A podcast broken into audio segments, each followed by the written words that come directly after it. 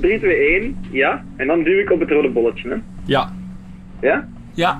Oké. 3, Ja. 2, 1. Ja. Ik heb nu op het rode bolletje geduwd. Oké. Top.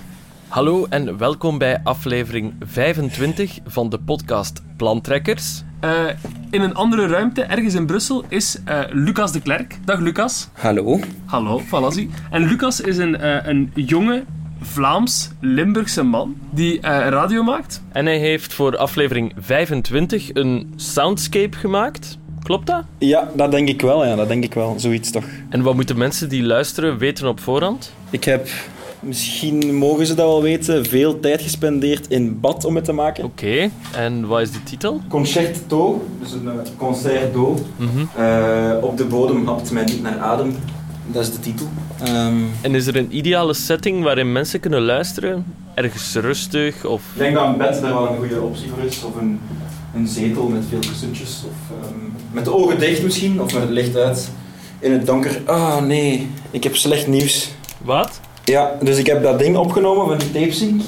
Maar ik ben al heel de tijd door de ruimte aan het wandelen. Dus ik ben eigenlijk heel ver. Ik ben eigenlijk zo'n beetje aan het ijsberen, maar die zoom staat wel ehm, op dezelfde plek. Dus dat gaat een heel leuke opname worden, denk ik. Kan nog fijn zijn. Misschien is dat nog leuk. Hey, houd goed en ehm, tot snel hè. Ja, moet ik nu ook eh, eh, synchroon de, op het rode bolletje duwen? Ook 1, 2, 3, eh, eh, eh, ja, nee. oké, is leuk. Wij zullen 3, 2, 1 ophangen. En dan jij 3, Ja. 2, 1 op stop duwen. Oké, ça va, dat is goed. Lucas, salut hè. Joe. Salut, bye bye.